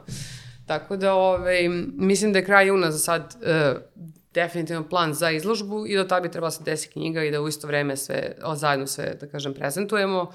Mislim, imali smo i ranije izložbe ozbiljne. Uh, recimo, prva na koju sam definitivno najviše ponosna je ta posle Tibeta. Ne znam da se sećaš kad je prvi put na Kalamenskoj terasi bila izložba Jana Trus Bertranda, to ti između ostalog jedna od knjiga koju bih preporučila. On je slikao ceo svet iz vazduha. Da, bilo da, da, da, da, to je bilo i po drugim gradovima. Jeste, da, ali ja mislim da je prva izložba na Kalamenskoj terasi na onim Iz panelima bila... paraglidera onog, jel? On je iz balona, Fotko i- paraglidera, Da, da, čovjek to se snalazio, nije imao dron, ono, ludilo. I ne znam da si gledao tu knjigu, Jesam, jesam. stvarno ima kadrove tipa tanker tone u more. I on je tu kao slikao je to, ja sam ono, wow. Znači, e, to je to momentum se desio koji on ovekovečio, ono. Tako da, ovaj, ja sam tad bila na toj izložbi pre, videla to i bila sam, puh, to je to, vrate, želim ovo da mi se desi u životu i kasnije, posle Tibeta, između ostalog, naša ta ekspedicija bila dobro propraćena medijski i tako dalje i onda smo napravili izložbu na Kalemenskoj terasi sa Tibeta. I to je bilo fenomenalno. Znači, bukvalno stajale su slike, mislim, ono meseci po dana. I najviše sam volila da tamo odem, šetam, sedem na klupu i gledam ljude kako gledaju slike i onda slušam šta pričaju, razumiješ, kako komentarišu te scene koje vide. Tako da je to bilo bukvalno wow. Radio su posle još nekoliko izložba vezanih i za Bali, putovanje i tako dalje i sad je mislite već ima jedno, puh, sigurno 9 godina da ništa nismo radili, nismo stigli, smo na 150 strana, tako da sa ovom izložbom i tom knjigom nekako... A tema će da bude izložbe? Biće u suštini naših 10 godina rada. To jest, nije 10, mislim, radimo mi duže, ali neki, okvirili smo ga u 10 godina naših putovanja i bit će tipa određen broj lokacije koje, sad ću baš ništa da otkrijem, ono mora se vidi u knjizi. Sad si me za malo uvotio da ti kažem sve. ovaj, ali bit će tipa tako, određen broj lokacija koje smo obišli i bit će jedna jako strava caka oko te knjige koju sad stvarno ne želim da kažem, jer to je glavna fora knjige, nema šanse. Bar Ove, nagoveštaj. ne, ne. Nešto što nas dvoje koji stalno radimo zajedno za ovih deset godina nikad nismo uradili. E, knjizi će se to, da kažem, pokazati. A sad ništa nisi sad... Kako si najavu stavila, e? Pa tako treba se radi, valjda. Šalim se. Tako da ovo će biti baš, ja stvarno stvarno će sve da se složi kako treba, da bude izložba koja će, da kažem, imati jedno, otići na put oko sveta sa nama koje smo mi sprovali poslednjih deset godina, a knjiga će to kapitulira i da eto, ono, imam, mislim da imam konačno nešto materijalno od svog rada, znaš, fizičko, jer sve što mi radimo je digitalno i kao ne postoji u teoriji, znaš. Pa se ništa. Pa, slabo. Mislim, Jel to nezahvalno sad ti spremaš izložbu, imaš određene broj fotografija, 10 godina ti to treba da selektuješ, da izabereš kao da li havarije. ovu Ti ne možeš zamišljati koliko mi hard diskova imamo i koliko je to veliki problem. Znači, nama dva, tri putovanja povežemo, jedan ceo hard disk od 5 terabajta je otišao, razumiješ? Koliko je to fotografija? Evo, s jednog putovanja, sad Pa poslednjeg. ne. od Pa evo, samo Pariz sam slikao telefon M1000 pa slikao telefon od par dana. A kad odemo na neko to veće putovanje, ma, bude terabajti, terabajti, ja ne znam broj, ja znam samo terabajti, koliko je to teško i koliko mi zauzima prostora, razumeš? Da, to više se ne broji u fotografijama, Ma ne. nego... Tako da u tom smislu imamo baš puno materijala i sad imaš sad i drugi problem dimenzije stvaranja knjige koja je, da kažemo, retrospektiva u neku ruku, što recimo nešto sam slikala na Tibetu pred 10 godina. Znaš ti koja je to dimenzija mojih fotografija tada i ovo što sad radim? Znači, Kakav komentar sad ti kad gledaš te fotografije pre 10 godina? Šta kažeš? ma, ništa ne valja. Kako je ovo fotkao? A mislim, na šta, to je sve deo ovoga što sam ja sada, tako da ne želim da budem kritična previše i naravno kad vidim fazonu sam ja vidi ovo, ja vidi ono, znaš kao sve to nek, ja sad drugačije radim, ja drugačije radim sad u ovom trenutku odnosno pre tri godine, pre četiri godine. Uzmem nekad sad, pošto sam se dogovorila sa sobom i sa ljudima koji me prate da kačem malo stvari fotografije generalno ako da random, da ne kačim samo je sad sam na putu pa kačim to, radim i to, ali sad sam krenula da kačim random fotke iz sveta, pošto vi generalno vidite samo 5 do 10% onoga što ja napravim, jer ne mogu da postignem da okačim Za... za, vreme putovanja, pa da. Tako da greota, onda tako sam krenula sad da sređujem generalno slike i zbog knjige i zbog toga i onda tako ponovo radim neke fotografije od nule, sredim na kompjuteru i onda sam u fazonu totalno drugačijih uradim odnosno nešto sam sredila pre 5 godina A ko obrađuje? Ti Uroš? ja to radim. Mislim, u početku našeg rada sam to najviše radila samo ja, sad radimo svako, ali ja radim svoje, on radi svoje. I ja to isto volim kao od, odvojen proces od fotografisanja jurnjeva i to, meni to isto jedan poseban drugačiji proces koji mene isto vrlo ispunjava i to isto kreativno u neku ruku. Ti od jedne fotografije, jednog pravca možda napraviš nešto sasvim 12. Ne govorim o montaži, nego obradi fotografije, svetla, svašta može se postigne. To se radilo i nekada i u crno-belo, ono, uzmeš pa zatamnjuješ delove Da, da. fotke da bi dobio neki efekt, tako da, eto to, prilike. Pitao sam te za, za inspiraciju, jel to nalaziš onako namenski, sedneš pa tražiš, ne, ne pričam za putovanje, nego generalno inspiraciju i za vaš rad, ili jednostavno pratiš neke ljude, pratiš, konzumiraš sadržaj, pa nekad ta inspiracija spontano dođe. A, pa da, ja pratim fotografe razne, od ono Jimmy China koji ono extreme sports fotograf, ono Chris Bukard, on je među prvima počeo da radi tu vrstu fotografije koje smo mi krenuli da radimo između ostalog. Mi znam da se on inspirisao dosta u smislu da putuješ, da obi, obilaziš nevjerovatne lokacije i da imaš subjekat u kadru. Zašto je subjekat u kadru bitan kad je Instagram u pitanju? Zato što je vrlo personalna mreža i kada staviš subjekat, znači lepi, lepi landscape i sad ti možda ga imaš na zidu, strava. Ali ne mogu ja sebe da zamislim. Ne može to. se relatuješ, tako je, sa tim landscape-om ako nemaš subjekat u tom kadru. Onda sam ja to skapirala, sam, pa da, ajde. Ok, Uroš nije teo da se slika, između ostalog. Ja sam ja morala budem subjekat u kadru, pa da. Mislim, i sad moram da ga teram puškom. Ajde, stani tu da uslikam nešto. Evo, evo, okačila sam juče, prekjuče fotku, natrala sam ga mi stanu u kadar, da bi napravila taj neki Inception fotku. Ovaj, tako da, e, ne znam, Chris Booker, Jimmy Chin, ima da ovaj, kako se zove, Steve Me, Mekari? Mekari, čoveč. Da, nacionalna geografija, da. A to. što sam bila u Beogradu, sam gledala njegovu njegovu, kako se zove, prezentaciju s onim sea line-ima, onim ogromnim, što mu donose mu ribu, što Da, da, ja da. sam sea line zaljubio u njega, ludilo, znaš ti šta čovjek, taj čovjek doživao? On je bio baš u Kragujevcu, bio onaj festival neki i on je došao. Da, nisam ja u Kragujevcu, bio u Beogradu, mislim, čekam bioskop Balkan dok još nije bio sređen, tako Mhm. nešto je bilo, ne mogu ni sećam, davno je bilo. Ali, znaš, mene to, mene, eto, to mene lože, znaš, kao iskustvo koje ti doživiš kao biće koje živi na ovoj planeti određeno vreme i kao doživiš takve stvari. E, I on to uvek ovečiš, pritom ludilo je fotograf. Pa naravno tu snima razni fotografa koji su iz ekstrem sportova i tako dalje. Mislim, moje legacy je snowboarding, tako da Bloto, foto i ekipa i tako dalje. Ovaj, naravno, Magnum ekipa, dokumentarna fotografija, imaš i različiti drugi koje isto baš volim, koji su vezani za fashion i tako dalje. Mislim, generalno ja puno toga gledam. Vrlo sam okrenuta vizualnom, vizualnoj umetnosti kakva god, tako da ja volim inspiraciju. I ne mora bude samo fotograf, fotografija, možda bude arhitektura, recimo arhitektura je ludila. Tako da, različite stvari, tako upijam, imam neke te svoje ono, kanale koje gledam i onda kao kroz to najviše... A filmovi, muzikal ti inspiriš Da, kako tom? ne. Ja sam veliki hardcore fan dobrog SF-a, ono. Ja želim da živim u nekim SF svetovima van ovog ludila. Ovaj, tako da to svakako, a muzika, naravno, mislim, bila sam DJ kad sam bila klinka, ono, vrtala sam ploče. Vrtelo se, znači nije na, Ne. na vina. To su mi bile prve ove pare kad sam zarađivala kao klinka, koliko sam imala, 15-16 godina, basement, ovo, ono, na, na, na, izlazila, puštala muziku, obožavala sam to. To mi je bilo ono paralelno sa snowboardingom, kao da imam nešto drugo da radim pored gimnazije, kao naš. Tako da, ovaj, sve to se prožima kroz život i na kraju budeš to što jesi dan danas, jer ja sve to, mislim, puštala sam ja muziku i sad nešto u nekom, kažem, bližoj prošlosti, ali sam sad na kraju stavila tačku neke Ne te stvari. to. Pa ne da me ne radi, ja slušam muziku svakodnevno, imam milijardu puštaš. žanrova, ali ne mogu više da postignem. Znači, imam previše energije se rasipa na više stvari, onda to nema smisla, znaš, moraš da se fokusiraš da bi neke stvari bile kako treba. Spomenula si mi za omiljeni neuspeh, to sa snowboardom. A pa da, da, pa mislim, suštinski, uh, ja mislim da to nije neuspeh. Ko zna zašto je to dobro, opet kažem. Ali ti je odredilo karijeru. Ali mi kasnije. je baš promenila pravac uh, kretanja mog života u tom trenutku. Mislim, ja sam do- dosta mlada, ono, tipa, koliko, 20 godina možda, tako nešto.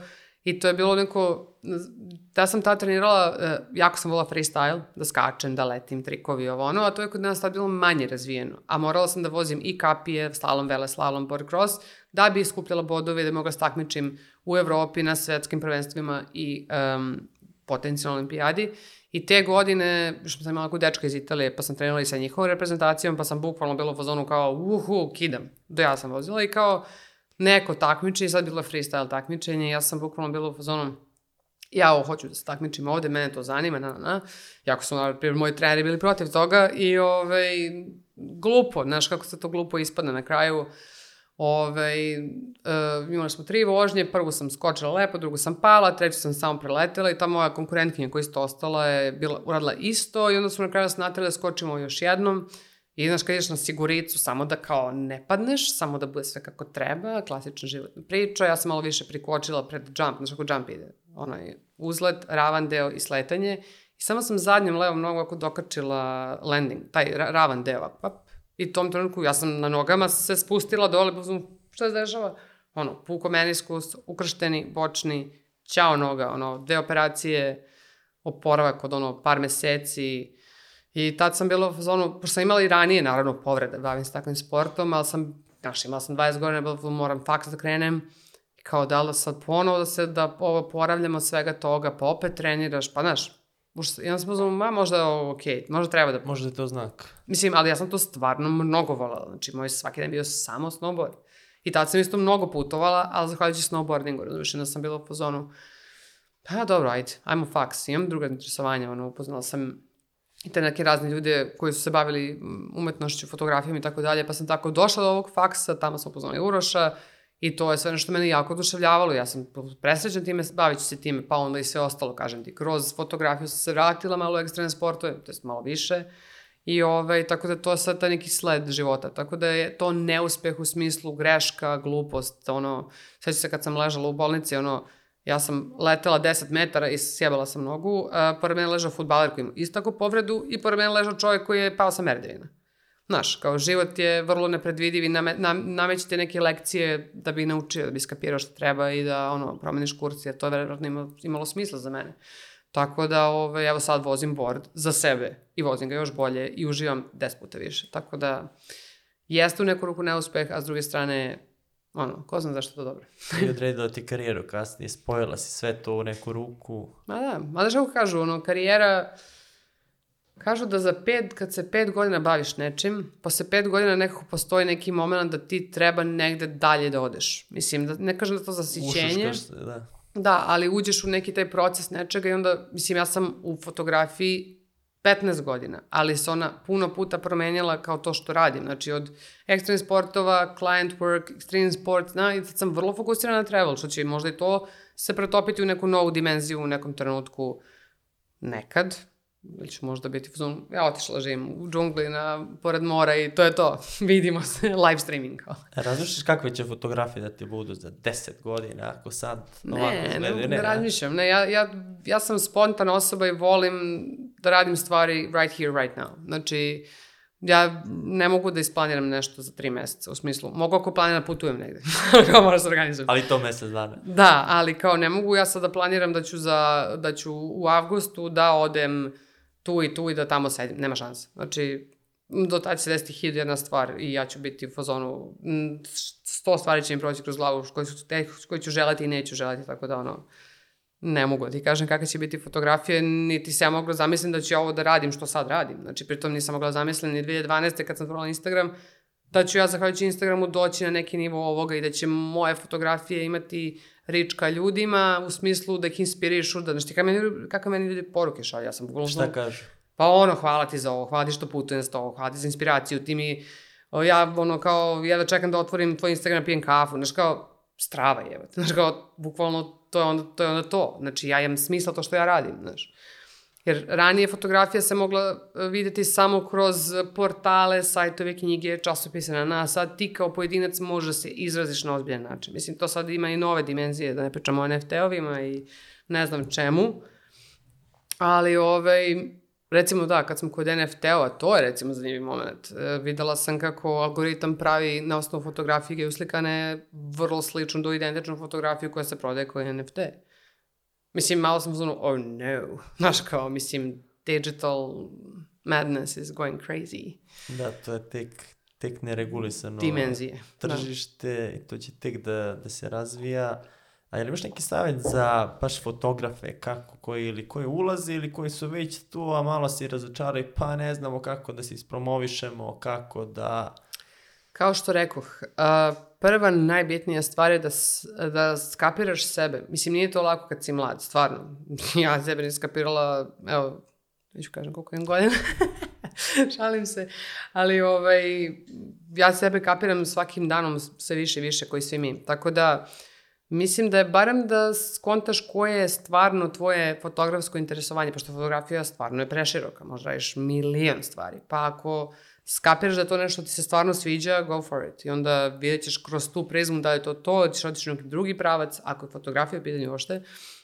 I naravno, Instagram je tu, uvek možeš da ono, da se um, promovišeš kroz to i to je danas velika prednost, odnosno ono što sam ja radila pre, kažem, 15 godina tada, to, takve stvari nisu postojale, story nisu postojali, halo, znaš kao. Tako da imaš tu puno mogućnosti, ono, možda se povezuješ s različitim ljudima koji su možda već popularni, pa možeš njih da slikaš, možeš njima da pomogneš, oni pomognu tebi, znaš, ima tu milion jedna opcija, kad je danas fotografija pitanje, između ostalog, uh, imaš stok, imaš 500px, evo ja sam sad iskreno nedavno otvorila uh, profil na 500px-u, jer je to baš fo- fotografski community, malo me smori ovaj Instagram algoritam, ubija. Tako da ovaj, ja želim da kačem malo drugačije fotografije, ja na Instagram kačem određen fazon koji znam da će da prođe, koji znam da ljudi piju, koji znam, koji se meni između publika, ostalog da. sviđa, da. Mislim, ja i tamni profil koji je više u mom fazonu, ovako crno sve i to, ali to Instagram ne pije nikad, razumeš. Tako da, ovaj, recimo 500 500px je strava, jer tamo su samo fotografi i na, u tom community recimo, ja sam okačala nešto pet slika i na kraju juče mi je skočilo, sam otišla neki ono, Viral. Da, neki editor's choice page, kao, uku, strava, i kao sam imam, ne znam, imao sam 12 followera, sad imam 200, uhu, kao strava, znaš, ali i to je neki kanal kroz koji možeš da se plasiraš, ima ih puno. Jeste radili ovo, stok fotografiju? E, to smo pričali jedan jako dug period ćemo da radimo i nekad to nismo nikad uradili. Mislim da je to dobar pravac, u smislu stvarno možeš da dobro da zarađuješ sam za sebe da radiš, ali moraš dosta da pratiš šta se prodaje, da se baviš keywordovima i da bud, se baviš time kao I poslom. da imaš količinu. Da, to je bukvalno. Što više, to bolje i ako nađeš neki pravac u kome ti možeš specijalno se izraziš, da malo budeš malo drugačiji od drugih, onda baš možeš da skočiš super. Ove, nego se nama nekako nikad nije dalo. Ne kažem da nećemo, na kraju sad možda ću i da guram neke količinu fotografije, mislim, generalno sam fokusirana na to da pokušamo da naš biznis što više optimizujemo da funkcioniše samostalno.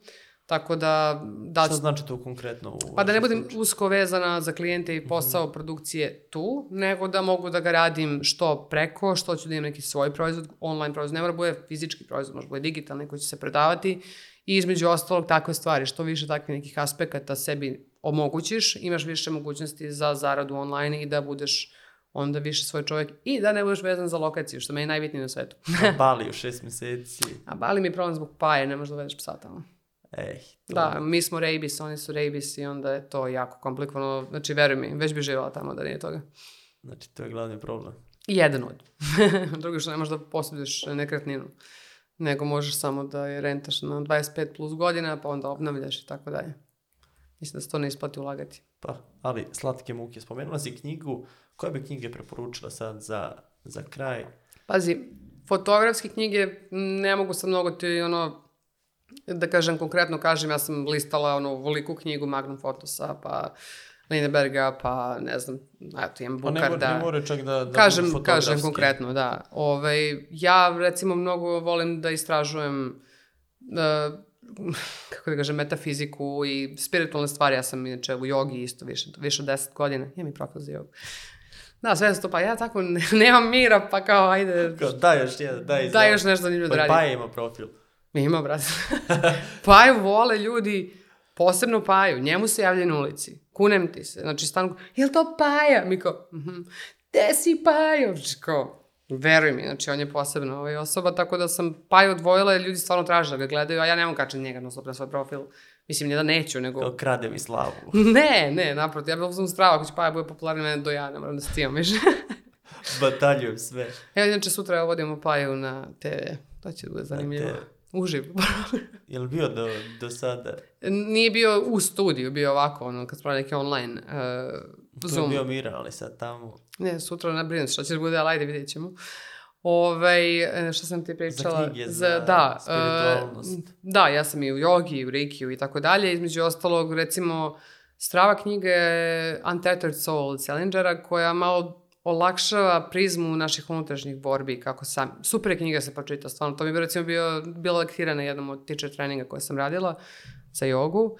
Onda, šta volim, recimo zanimljiv je Vadim Zealand i Transurfing, baš se bavi E, da, on ima pet delova. Koliko ima? To sam čitao. Tri ili četiri, tri sam ja čitala, ja mislim. Mislim da ima još jedan. To Ali Transurfing. Da, da, da, i- Transurfing. ja sam- su ga ima i kod nas. Da, da, da, mislim, ja sam ga davno čitala, tad sam, kažem, bila dosta mlađa i mnogo manje razumela neke stvari, sad sam pozvano da čitam ponovo to, jer ću vratno ga drugačije kontati, na primjer. Onda, čekaj, da šta sam zapisala, ne se setim ničega, moj mozak je odustao od pamćenja. Dobro, rekla sam ja, Jana Trus Bertrand, Die Erde von Öben, a.k.a. Zemlje iz vazduha, to je stara knjiga koju je čovjek radio, ono, što bismo mi danas dronovima uradili za pet i po minuta, a čovjek je slikao ceo svet nevrovatno iz vazduha i mene recimo ta knjiga dosta inspirisala da se bavim ovim što radim, jer sam bila apsolutno fascinirana kadrovima koje je taj čovjek uvetio. Dobro, davno sam gledala naravno Tim Ferriss i čuveni 4 Hour Work Week, to je bio neki postulat svih koji su se bavili ono digitalom mi želi da radimo za sebe. Biblija za... Da, da, da. Tako da ima tako tih nekih knjiga, sad na beletristiku neću se odsvrćem, to je sad posebna kategorija i tako dalje. Ovaj, tako da, ne mogu sad setiti ništa novo, još da ti kažem, poslati poruku. To, to ubacit ćemo, imamo spisak, možete preuzeti na linku u opisu profila, stavili smo sve predloge knjiga koje su gosti preporučili, Aha, tako cool. da ne morate da pišete. Katarina, hvala ti što si bila gošća biznis priča, što smo napokon seli da se ispričamo. Želim ti, li ima pratilaca, je, da obiđeš sve ove zemlje sa vaše liste Može i malo više od toga. i malo više i da imate više slobodnog vremena. E, to. Hvala ti puno. I ovu izložbu, to sam upisao, znači... Ne, dobit ćeš Ne- pozivnicu kad nema- bude. nema da odlaganja. dođeš. Nema, da, sad, sad sam javno rekla još jednom, To kao, je znači to. sad gotovo. Hvala ti puno što si mi pozvao, hvala ti što si imao e, kapacitet da razumeš moje ludilo što nismo mogli da se uvatimo na brzaka ovaj, i drago mi je što smo evo seli i popričali tako da se čuje neka dimenzija, pošto ne pričam ja mnogo ovaj, naglas, ovaj, ali drago mi što mi pružio tu priliku, tako Tako da... da... Slabo se na, i na storijima izražavaš i više su fotografije, tako da ljudi Pa, nemaju da. ni priliku da, da te upoznaju. Ali trudim se, ali nekako, znaš, I don't know. Mislim da ovde u sati 30, ako Svašta nemaju, sam ako, rekla, da. ako, ako nemaju priliku da te upoznaju, onda Da, pa dosta sam mnogo prošli, jel? svaka ti čast. svaka čast tebi, a mi se vidimo u narednoj biznis priči.